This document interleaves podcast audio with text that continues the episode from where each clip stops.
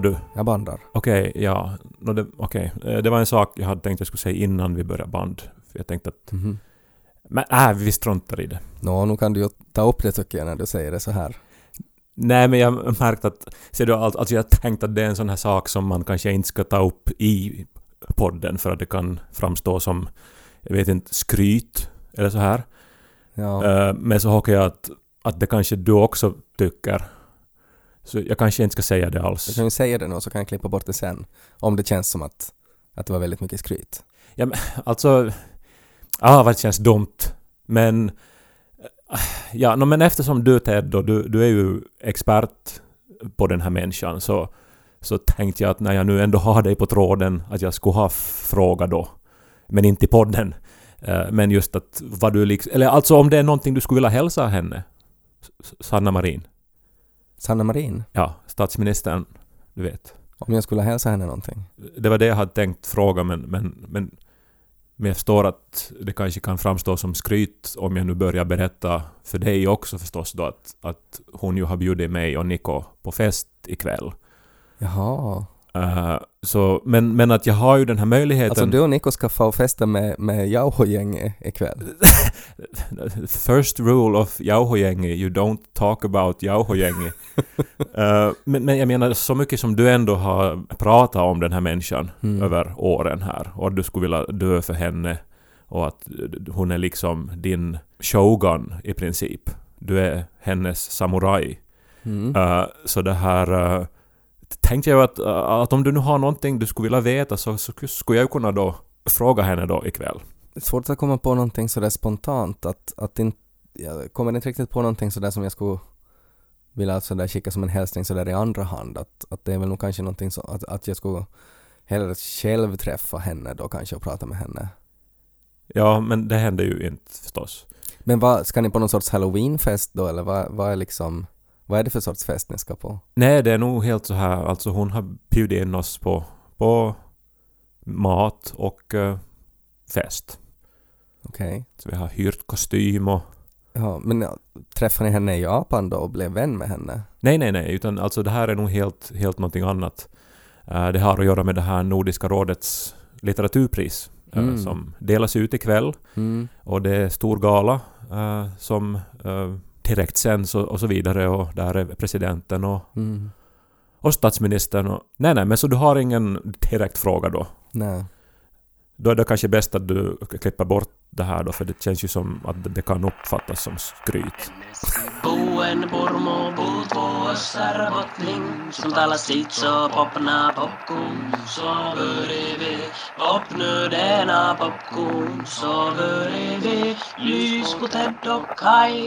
Kul att se dig annars. Länge sen. Ja, detsamma. Ja, jag har ju varit i Nordpolen och tillbaks kan man säga. Mm. Det, det, vi var ju alltså till Japan, jag och Niko, på bröllopsresa.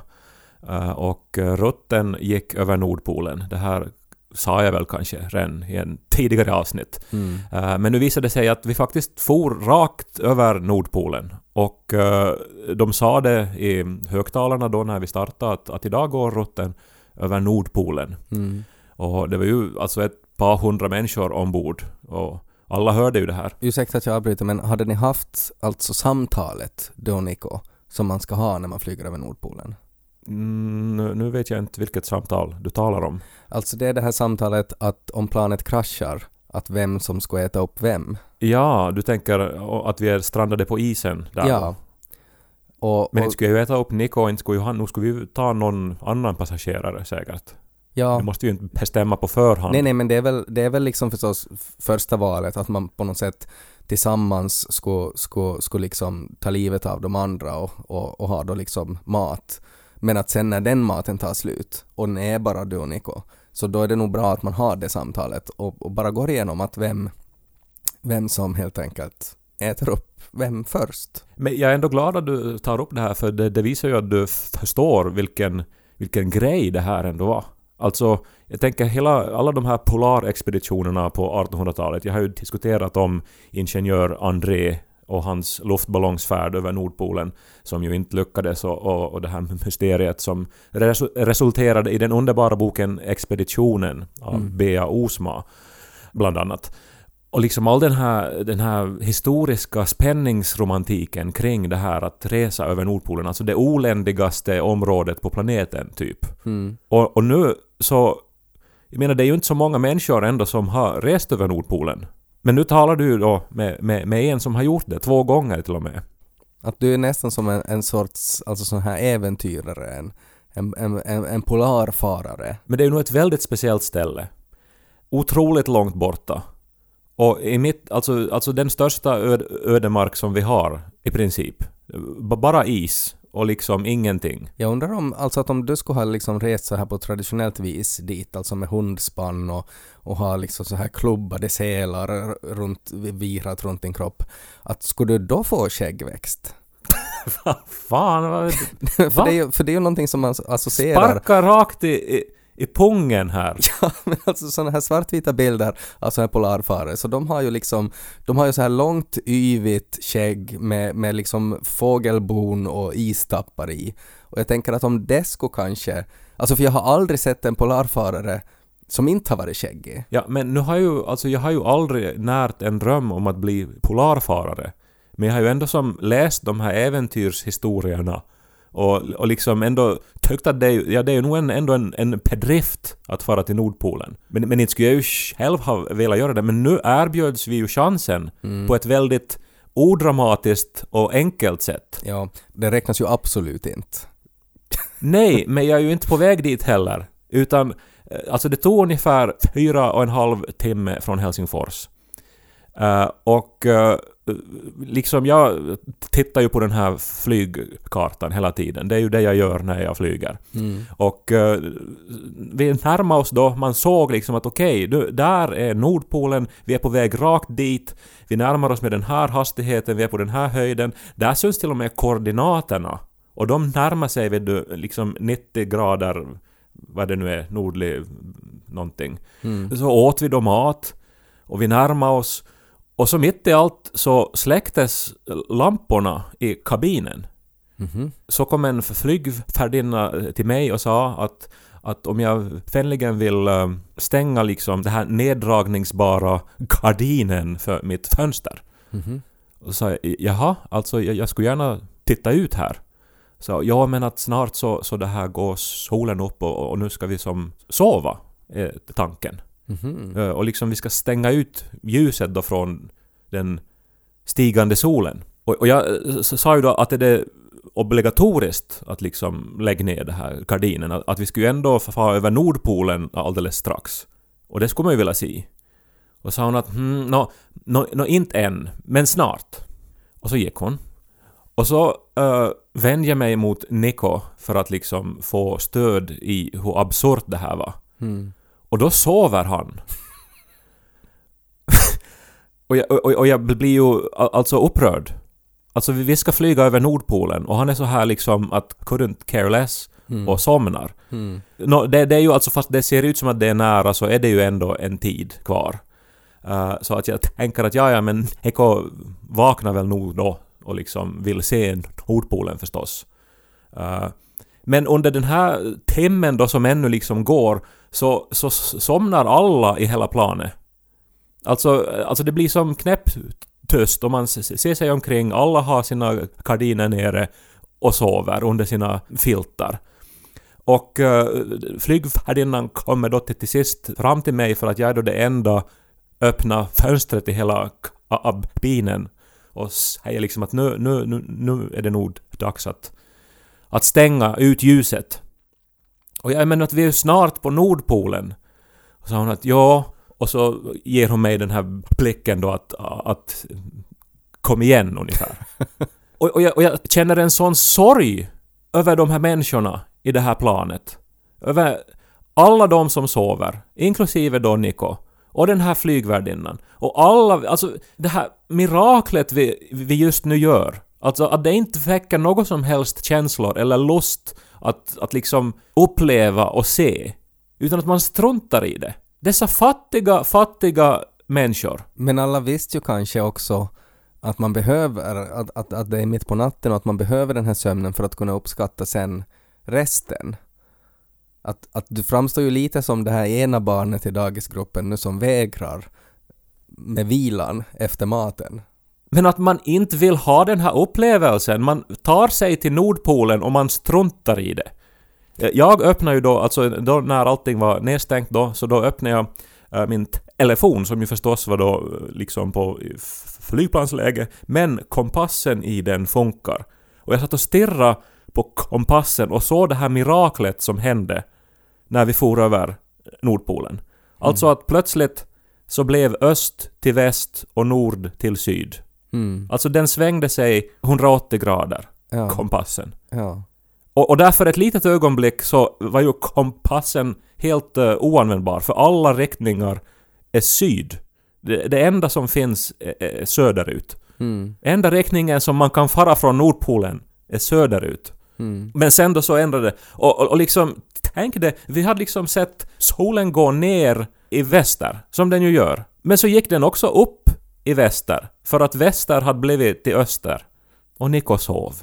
Sa du då åt någon liksom sådär att, att du steg upp och började väcka alla och skrika om kompassen? Så att flygvärdinnan måste komma och liksom hålla fast dig och, och, och spänna, spänna fast dig i stolen och sådär att du inte skulle liksom stöka något mer. Jag screenshotade som fan och så grät jag en liten tår för mänskligheten.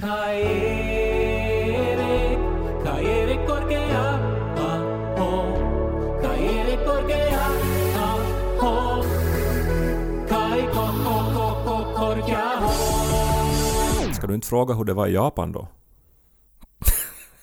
Ja, men det går ju inte heller att svara på. Det är ju som att jag skulle fråga så här att hur är det att ha barn? För att det är ju som en så otroligt livsförändrande upplevelse som på något vis griper in i allting som man är. Och det finns så många infallsvinklar på hur man ska prata om saken att inte går det så där enkelt bara att säga hur det var i Japan. Vad var den godaste maten ni åt i Japan då? Det var mycket mat och det var mycket eh, så här problem med att beställa. eh, för att eh, det talades ju ingen engelska och vi talade bara några ord japanska. Vi, vi, vi hade sådana här översättningsappar men ibland så var menyerna handskrivna. Ibland var internet dåligt. Och så att man Mm. var helt utlämnad då till teckenspråk och att liksom peka på vad andra människor åt och att bara le och hoppas på det bästa. Mm. Och det hände ju att vi fick in helt vi- vidriga saker plötsligt. Alltså vi trodde att vi hade beställt liksom sashimi och liksom marinerade kycklingspett. Mm. Eh, men så fick man in då någonting som såg eh, obehagligt ut och som man ändå då förstås stoppar i munnen och, och så smakade det som alltså fasansfullt. Alltså så här att, att jag som ändå nog äter allt och inte ett chinko Mm. eh, så överväger liksom att alltså nu kanske jag måste faktiskt spotta ut det här någonstans. Ja. Och just i det där fallet då så, så, så var det då ett sällskap vid bordet bredvid som såg hur vi reagerade och som sen då visade sig att de hade studerat i Kanada. Så de pratar engelska. Mhm. Och eh, de eh, översatte då det som vi åt och, och det stod alltså på menyn att vi hade beställt in slakteri biprodukter. Just det. Den klassiska maträtten. Och det var liksom, alltså, vet du, tarm och, och skinn och fett och brosk och, och sånt. Mm. Så, och, jag menar, klart, man man ska ju ta tillvara allt på ett djur som slaktas, förstås. Men nu är man ju då som västerlänning väldigt ovan att eh, äta skinn och tarm och brosk. Ja, när de har liksom hela dagen i slakteriet så har de slaktat liksom tusentals olika djur. Eh, och så tar de på kvällen så tar de en skyffla och liksom skyfflar upp det som är på golvet. Och så sätter de det då i stekpannan. Ja, eller på spett i det här fallet då. Men alltså maten var ju överlag alltså väldigt bra och eh, vi åt mycket street food och så här. Såna här bläckfiskbollar, marinerade gurkor och sånt som man köpte på spett. Det var mycket mer spett i Japan kan vi säga. Mm. Så gick vi på ninjakurs. Jag såg det ja. Ja, och jag gjorde det för din skull Ted. För jag tänkte att nu, nu, nu blir du glad och så respekterar du mig på något sätt att jag hade visat intresse för det här. Men det såg ju, det såg ju väldigt roligt Alltså, jag har ju aldrig sett dig kasta en kastkärna tidigare. Shuriken menar du? Jag har alltid trott att det är liksom den där kniven som man kastar det. Men kallar de också själva kärnan till en shuriken? Ja, så är det. Okej, men fick du något diplom? Klarade du ninjaprovet då? Skulle man, var, var liksom till sist då att, att, att du fick liksom bara namnet på en person som du skulle lönnmörda någonstans i Tokyo? Nå, om jag nu ska vara helt sanningsenlig så skulle vi alltså gå på ett ninja-museum. Uh, och vi köade länge och när vi kom in dit så visade det sig att det var så här, väl nog menat då för lite yngre människor, eller för familjer. Att det var som interaktivt och man skulle själv då bli ninja. Alltså som en workshop för, för barn? Och vi slängde de här shurikensen då, men i det skedet när, det skulle, när vi skulle börja ta på oss några kläder och göra några rörelser och posera, Mm. eh, så då så sa vi att nu måste vi fara att, att vi har inte tid, tyvärr. Men Mm. det var jätteintressant. Ja. Så vi liksom blev aldrig utexaminerade som ninjas. Jag har nog gått i ninjaskol men att jag har, jag har gradon kvar. Men nu var det ju mycket så här som man skulle kunna uppleva som toxisk maskulinitet över, över liksom allt det som du romantiserar med Japan. Alltså Mm. samurajkulturen, ninjakulturen. Uh, du nämnde de här maid-caféerna. Var ni på ett sånt då? Nej, förstås inte. Men ni var ju på ganska mycket Pokémon-grejer, såg jag på sociala medier också. Ja, Niko älskar ju Pokémon. Och eh, det var ju överlag mycket med de här... Alltså populärkulturen är som så på något vis integrerad i stadsbilden och i liksom helt eh, också, vet vet du som på Metron så är det de här stora ögonen och, och liksom grälla färgerna, det här liksom många estetiken och allting otroligt gulligt på Mm. något sätt. Så här. Ja, Också liksom vid du, myndigheternas kommunikation så var det som jätte så här små stämplar och gulliga ansikten och, och, och sånt. mm. Niko gick ju helt igång på det här. Och sen hade de ett Sailor Moon museum som Mm. han ville gå på. Så då gjorde vi det. Har du sett mycket Sailor Moon? Inte något överhuvudtaget. Jag har hört den här titelmelodin men uh, hade ingen, ingen som helst koppling till det hela. Lärde mig dock att det är ju alltså en, en uh, queer uh, banbrytare. Alltså Mhm. Eh, som då i ett väldigt tidigt skede hade en mer eller mindre öppen lesbisk tematik och uh, transpersons tematik. Mhm. Och att eh, det var kontroversiellt och det, det gjorde att en del av serien inte sändes i, i USA exempelvis för att eh, det var så konservativt där. Vad har de på museet då? Originalteckningar och kostymer och något som museum hade väl inte kanske något höjdare så här. Eh, men att uh, Nikos ögon tindrade och då tindrar ju jag. Ja men så är det ju. Kände ni er exotiska där då? Jag tänker att ni är liksom två långa nordbor. Eh, den ena har skägg och sådär. Att, att blev, ni, blev ni liksom uttittade? Nå, jag var ju längst i landet nog. Eh, men, men det finns ju så mycket människor också så att man på något vis försvinner bara i den här enorma mängden. Men vi upplevde det här som, som man ju har läst om, alltså att eh, japanska människor kan vara väldigt så här fördömande också. Mm. Och ett sätt som de uttrycker det på när de ogillar någonting är att de hostar åt en. Mhm. Och, och det där liksom hörde vi så pass många gånger att vi förstod att det inte kan vara bara något som vi inpillar oss. Att när människor gick helt förbi oss, så just när de passerade oss, så hostade de. Mhm. Eh, och uh, oklart förstås vad exakt det var som vi gjorde fel. Eh, det var mycket med så här att använda mask och det gjorde vi förstås men ibland när det var avstånd och så så tog vi av oss våra masker. Eller så var det Nikos skägg eller någonting, vi vet inte. Men det, det fanns ju till exempel i den här uh, badkulturen som de har, som ju var väldigt eh, på något sätt lik den finska pastokulturen Mm. eh, med ritualer och, och man badar naken och så vidare. Eh, men där så, så var det i, i alla ställen vi var på så står det eh, alltså på vägen in att om man har tatueringar så, så får man inte komma in. Alltså det är som förbjudet Mm. att visa andra sina tatueringar. De vill inte ha någon Yakuza dit. Ja, no, det här gäller ju förstås inte oss eftersom vi inte har några tatueringar, men att man bara insåg att okej, det här är en kultur som har striktare normer och där de här normerna verkligen är liksom kraftigt eh, laddade med känslor. Mm.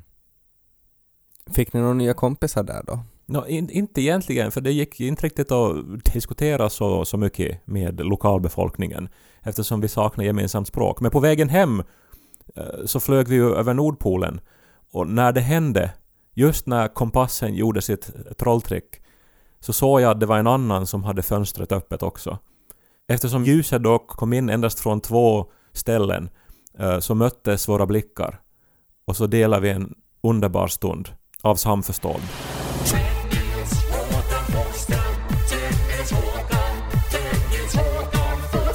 Okej, var vi färdiga nu då? Eh, hade vi allt vad vi behöver?